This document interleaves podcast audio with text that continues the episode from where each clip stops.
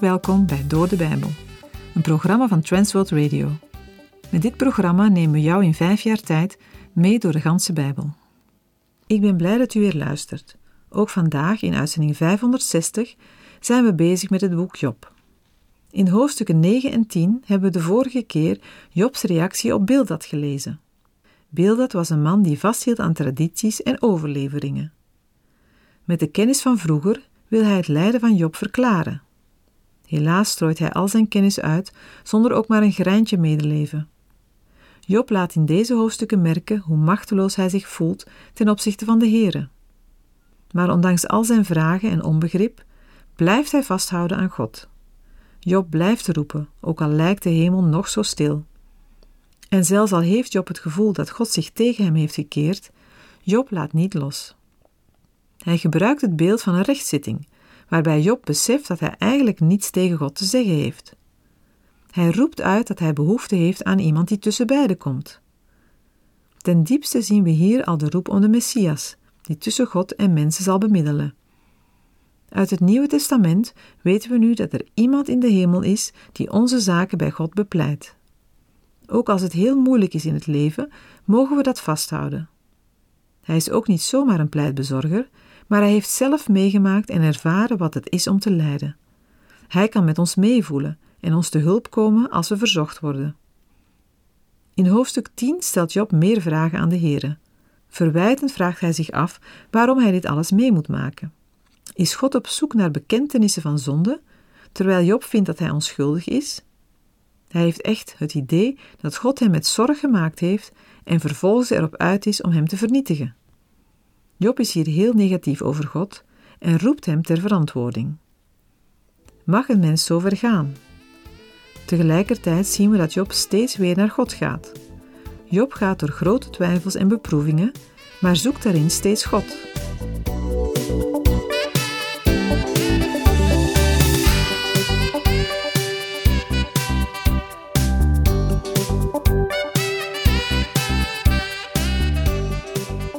Nadat Job nadrukkelijk duidelijk heeft gemaakt dat hij God ervaart als zijn vijand en dat een rechtszaak tegen hem nutteloos is, komt Zofar, de derde vriend van Job, aan het woord.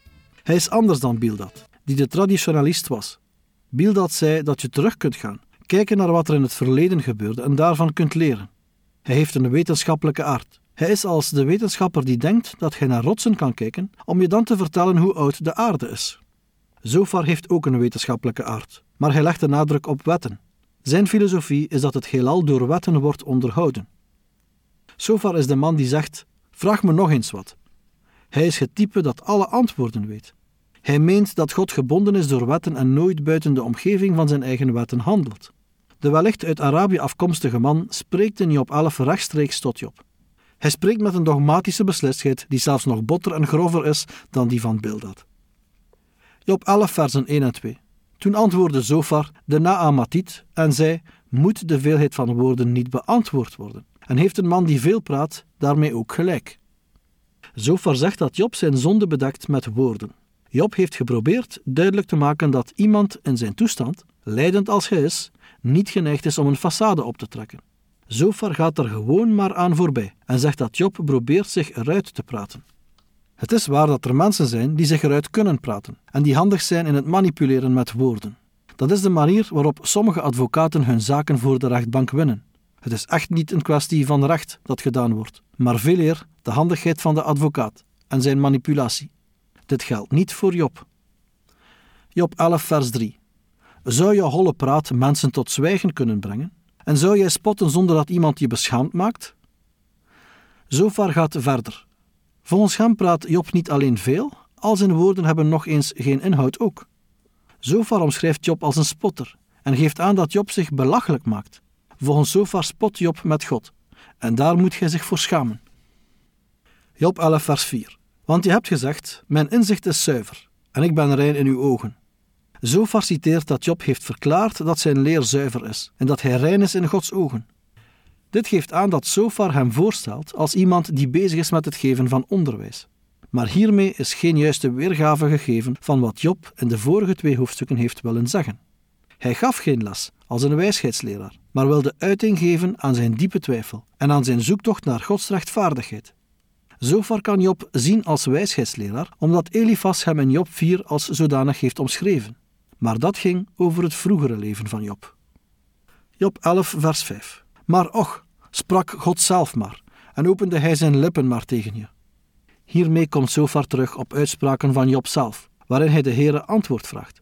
Zofar beweert nu dat Job zou zwijgen als de Heere ook degelijk het woord zou nemen. Hiermee bedoelt Zofar dat als God zijn mond tegen Job zou openen, dan zal de man van de woordenvloed wel zwijgen. Hiermee beweert Zofar ook dat God hem dan wel de verborgenheden van de wijsheid bekend zal maken.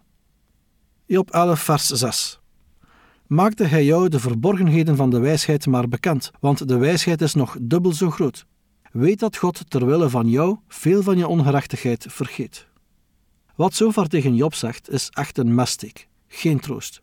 Hij zegt dat Job nog niet eens de helft heeft gekregen van wat hem nog te wachten staat. Nee, Zofar is in Jobs toestand niet erg behulpzaam. We moeten ons herinneren dat deze hele tijd Job een zieke man is en wanhopig pijn lijdt. Hij denkt feitelijk dat hij op elk moment kan overlijden, en zelfs hoopt hij dat hij zal sterven. Job 11, vers 7. Kun jij vinden wat God onderzoekt? Kun jij de volmaaktheid van de Almachtige doorgronden? Dat is een prachtige uitspraak, maar wie weet dat niet? Job zal hem later zeggen dat iedereen dat weet. Niemand kan God ontdekken. God wordt geopenbaard. God is zo genadig dat hij zich aan ons wil openbaren. Maar er is heel weinig van God aan ons geopenbaard. In feite, het weinige dat hij aan ons geopenbaard heeft, heeft sommigen van ons zo met ontzag vervuld en anderen zo verward dat we kunnen zien waarom hij niet meer van zichzelf aan ons heeft geopenbaard. Je kunt God niet doorgronden, door bijvoorbeeld als een Columbus te beginnen met een zoektocht naar hem. Ook kun je God niet doorgronden, door in een Sputnik de ruimte in te gaan. In de begindagen van het ruimteonderzoek publiceerden de Russen in hun krant het feit dat ze God niet hadden ontdekt, en daarom namen ze aan dat hij daar niet was. We kunnen instrumentjes in de ruimte zetten, maar we zullen God zo niet vinden. Evenmin kan de mens niet door een microscoop kijken of naar buiten in de hemelen door een telescoop en God ontdekken. God moet zich aan de mens openbaren. Job 11, versen 8 tot en met 12. Zij is hoger dan de hemel. Wat kun jij daar doen? Zij is dieper dan de hel. Wat kun jij daarvan weten? Haar rijkwijde is langer dan de aarde en breder dan de zee. Als gij voorbij gaat en iemand laat opsluiten of bij zich roept, wie zal hem daarvan afhouden? Want hij kent de valsaards en hij ziet het onrecht. Zou hij er dan niet op letten? Dan zou een verstandeloos mens verstandig worden en het veulen van een wilde ezel als mens geboren worden. Door middel van retorische vragen probeert Zofar Job te imponeren en hem zijn onvermogen te laten zien. Zofar geeft een verheven verhandeling over God en dat is prachtig, maar hij raakt niet aan de nood van Job. Zofar wil enkel uitdrukken dat Job niets kan doen om een veroordeling door de Heer tegen te gaan. Job 11, versen 13 tot en met 20. Als jij je hart bereid hebt, spreid dan je handen naar hem uit. Als er onrecht in je hand is, doe dat ver weg en laat er geen onrecht in je tenten wonen. Ja, dan kun je je gezicht opheffen uit alle ellende. Dan zul je vaststaan en niet bevreesd zijn. Voorzeker, jij zult de moeite vergeten. Je zult er net zo min aan denken als aan water dat langsgestroomd is. Helderder dan de middagzon zal je leven opgaan. Wat donker is, zal als de morgen zijn. Je zult vertrouwen, omdat er hoop is. Je zult rondspeuren, maar je kunt onbezorgd gaan liggen. Je zult neerliggen en niemand zal je schrik aanjagen. Velen zullen trachten je gunstig te stemmen. Maar de ogen van de goddelozen zullen bezwijken. Voor hen is de mogelijkheid tot ontvluchten verloren. Het uitblazen van de ziel is hun enige hoop. In deze versen probeert Zofar aan Job een weg tot herstel te tonen. Daarvoor worden eerst enige voorwaarden gesteld. Job moet innerlijk veranderen door zijn hart op God te richten. Hij moet ook het aanwezige kwaad van zich afwerpen en hij mag geen onrecht in zijn huis laten wonen. Zofar trekt niet in twijfel dat Job heeft gezondigd, want dat blijkt volgens hem uit het vele lijden. Job zal na oprechte schuldbeleidenis en radicale bekering zijn hoofd terug kunnen opheffen. De kern van het betoog van Zofar lazen we al in vers 6, waarin hij aangeeft dat de Heere onrecht bestraft. Wat bij Zofar opvalt, is het gemis aan tact en inlevingsvermogen. Bij de andere vrienden was nog enige voorzichtigheid te bespeuren, maar die is bij Zofar afwezig. We hebben hier iemand die zonder liefde, maar met veel woorden zijn vriend tegemoet treedt. Ook vandaag is er een gebrek aan mensen die goed kunnen luisteren. Job 12, versen 1 en 2. Job antwoordde echter en zei: Werkelijk waar, jullie zijn het volk met wie de wijsheid zal sterven. De drie vrienden van Job zijn ondertussen allemaal aan het woord geweest. Ze hebben Job gevoelloos toegesproken en gedaan alsof zij alle antwoorden op Jobs vragen wisten. Job neemt weer het woord. Eerder gaf hij al aan teleurgesteld te zijn en heeft hij hen aangesproken op hun ongevoeligheid. Nu bespreekt hij hun claim op wijsheid. Job zet in met een sarcastische opmerking. Als zij er niet meer zijn, is het gedaan met de wijsheid. Job 12, vers 3. Ik heb ook een hart, net als jullie. Ik zwicht niet voor jullie. Wie weet zulke dingen niet? Job weet evenveel als zij weten. Het probleem is dat zij niet hebben gesproken over de situatie zoals die echt is. Er is iets belangrijks in deze redenvoeringen waarvoor ik graag je aandacht wil vragen, zodat je erop kunt letten. In plaats van dat ze Job tot een zelfoordeel leiden, dragen ze alleen maar bij aan een geest van zelfhandhaving in Job. Met andere woorden, ze vallen Job aan, wat hem dwingt om met een verdediging van zichzelf te reageren. Ze halen God er niet bij. Ze spreken niet over een God van barmhartigheid en een God van genade, maar over een God van de wet. Hoewel hij een God van de wet is, is hij ook een God van genade en barmhartigheid. Ze brachten ervaringen en traditie en wetticisme in, maar ze brachten niet de waarheid in. Toen ze hun aanklachten tegen Job neerlegden, zorgde het ervoor dat hij zichzelf ging verdedigen en verklaren dat hij rechtvaardig was. Op het moment dat Job begon zichzelf te rechtvaardigen, verklaarde hij God niet rechtvaardig. Tot dit moment ziet het er naar uit alsof Job zegt dat God het verkeerd heeft en dat God degene is die kritiek moet krijgen. Dit is een houding die veel mensen vandaag innemen, zelfs veel christenen.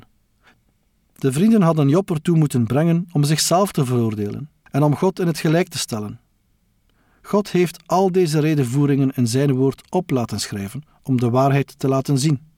De uitingen van Job zullen bewijzen hoe ver hij verwijderd was van die ware gebrokenheid van geest en nederigheid van denken, die voortkomen uit het zijn bij de goddelijke verschijning. Zijn vrienden brachten hem nooit tot dat punt waar hij, zoals bijvoorbeeld Paulus, zei: Want ik weet dat in mij, dat is in mijn vlees, niets goeds woont. Immers, het willen is er bij mij wel, maar het goede teweegbrengen, dat vind ik niet. Er zijn vandaag te veel christenen die zich beroemen op wie ze zijn, wat ze gedaan hebben en hoeveel ze geven. Het lijkt alsof God aan de ontvangende kant staat en zij de gevers zijn. Het lijkt alsof zij, in plaats van God, superieur zijn.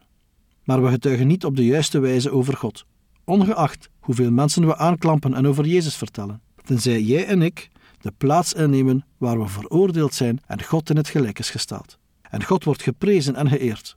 Dit is een geweldige les in dit boek. Job 12, versen 4 en 5. Ik ben iemand belachelijk voor zijn vriend, maar roepend tot God, die hem verhoren zal. De rechtvaardige en oprechte wordt belachelijk gemaakt. Wie verdrukt wordt, verdient verachting, is de gedachte van de zorgeloze. Hij staat op het punt met zijn voet te struikelen. Job maakt in een klacht duidelijk dat hij een mikpunt van spot is voor zijn vriend. Hij omschrijft de spotter als iemand voor wie het leven zonder zorg is. Job 12, vers 6. De tenten van de verwoesters hebben rust. Wie God tergen, zijn volkomen veilig door wat God met zijn hand toebedeelt. Job beschrijft de ongerijmdheid dat het onrechtvaardigen voor de wind gaat. De absurditeit is hierin gelegen dat God deze mensen in zijn hand houdt, wat tot uiting komt in het feit dat hij hen bevestigt in hun situatie. Hiermee beschuldigt Job de Heer dat hij bescherming geeft aan degenen die hem uitdagen. Na deze klacht hervat Job het betoog waarmee hij in de versen 2 en 3 was begonnen en gaat hij verder in op de wijsheid. Hij drijft nu met zijn vrienden op ironische wijze de spot door hun standpunten in de versen 7 tot en met 12 op indirecte wijze te citeren. Hij wijst erop hoe in hun benadering een beroep wordt gedaan op wat in de schepping zichtbaar is. Job 12, versen 7 tot en met 15. Maar vraag toch de dieren, en zij zullen je onderwijzen. De vogels in de lucht, en zij zullen het je bekendmaken. Of spreek tot de aarde, en zij zal je onderwijzen. De vissen in de zee zullen het je vertellen. Wie weet van al deze dingen niet, dat de hand van de Heere dit doet? In zijn hand is de ziel van alles wat leeft, en de geest van al het menselijk vlees. Beproeft het oor de woorden niet, zoals het gehemelte voedsel proeft? Is bij de oudsten de wijsheid en bij de lengte van dagen het inzicht?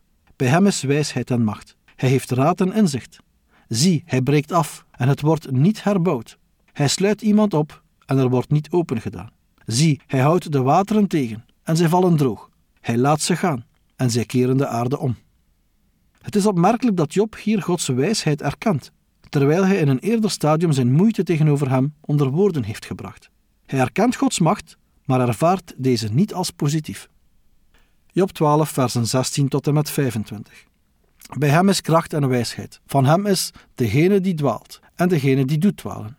Hij voert raadsheren berooid weg en rechters maakt hij waanzinnig. De vermaning van koningen maakt hij ongedaan en hij bindt een gordel om hun middel. Hij voert priesters berooid weg en machthebbers stort hij in het verderf. Hij snoert betrouwbare mensen de mond en het inzicht van oude mensen neemt hij weg. Hij giet verachting uit over edelen en de gordel van machtigen maakt hij los. Hij openbaart het diepste van de duisternis en de schaduw van de dood brengt hij in het licht. Hij maakt volken groot en doet ze ondergaan. Hij spreidt volken uit en leidt ze. Hij neemt het hart van de hoofden van een volk op aarde weg en doet hen ronddwalen in een woestenij, waar geen weg is. Zij tasten rond in de duisternis, waar geen licht is. Hij doet hen ronddwalen als een dronkaard. Tegenover de kleingeestigheid van de vrienden plaatst Job nu de grootsheid van God. In dit hoofdstuk heeft Job enerzijds de wijsheid en de kracht van God beleden, anderzijds zien we dat Job uitsluitend wijst op de vernietigende krachten van God. Deze nadruk heeft te maken met de zaken waarmee Job in zijn persoonlijke leven geconfronteerd wordt. Ook bij ons kan tegenslag ons godsbeeld bepalen.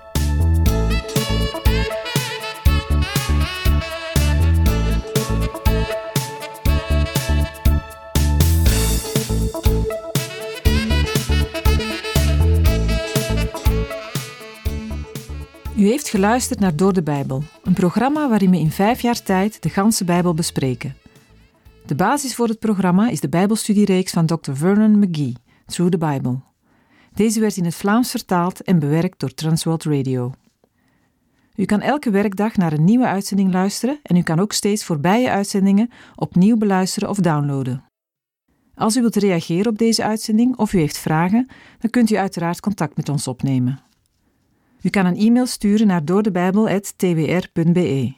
Verder kan u op onze site terecht, www.twr.be, voor meer info en het beluisteren van onze overige programma's. Dit programma werd gepresenteerd door Patrick Couchement en Anne Notenboom. Wij danken u voor het luisteren en graag tot een volgende keer.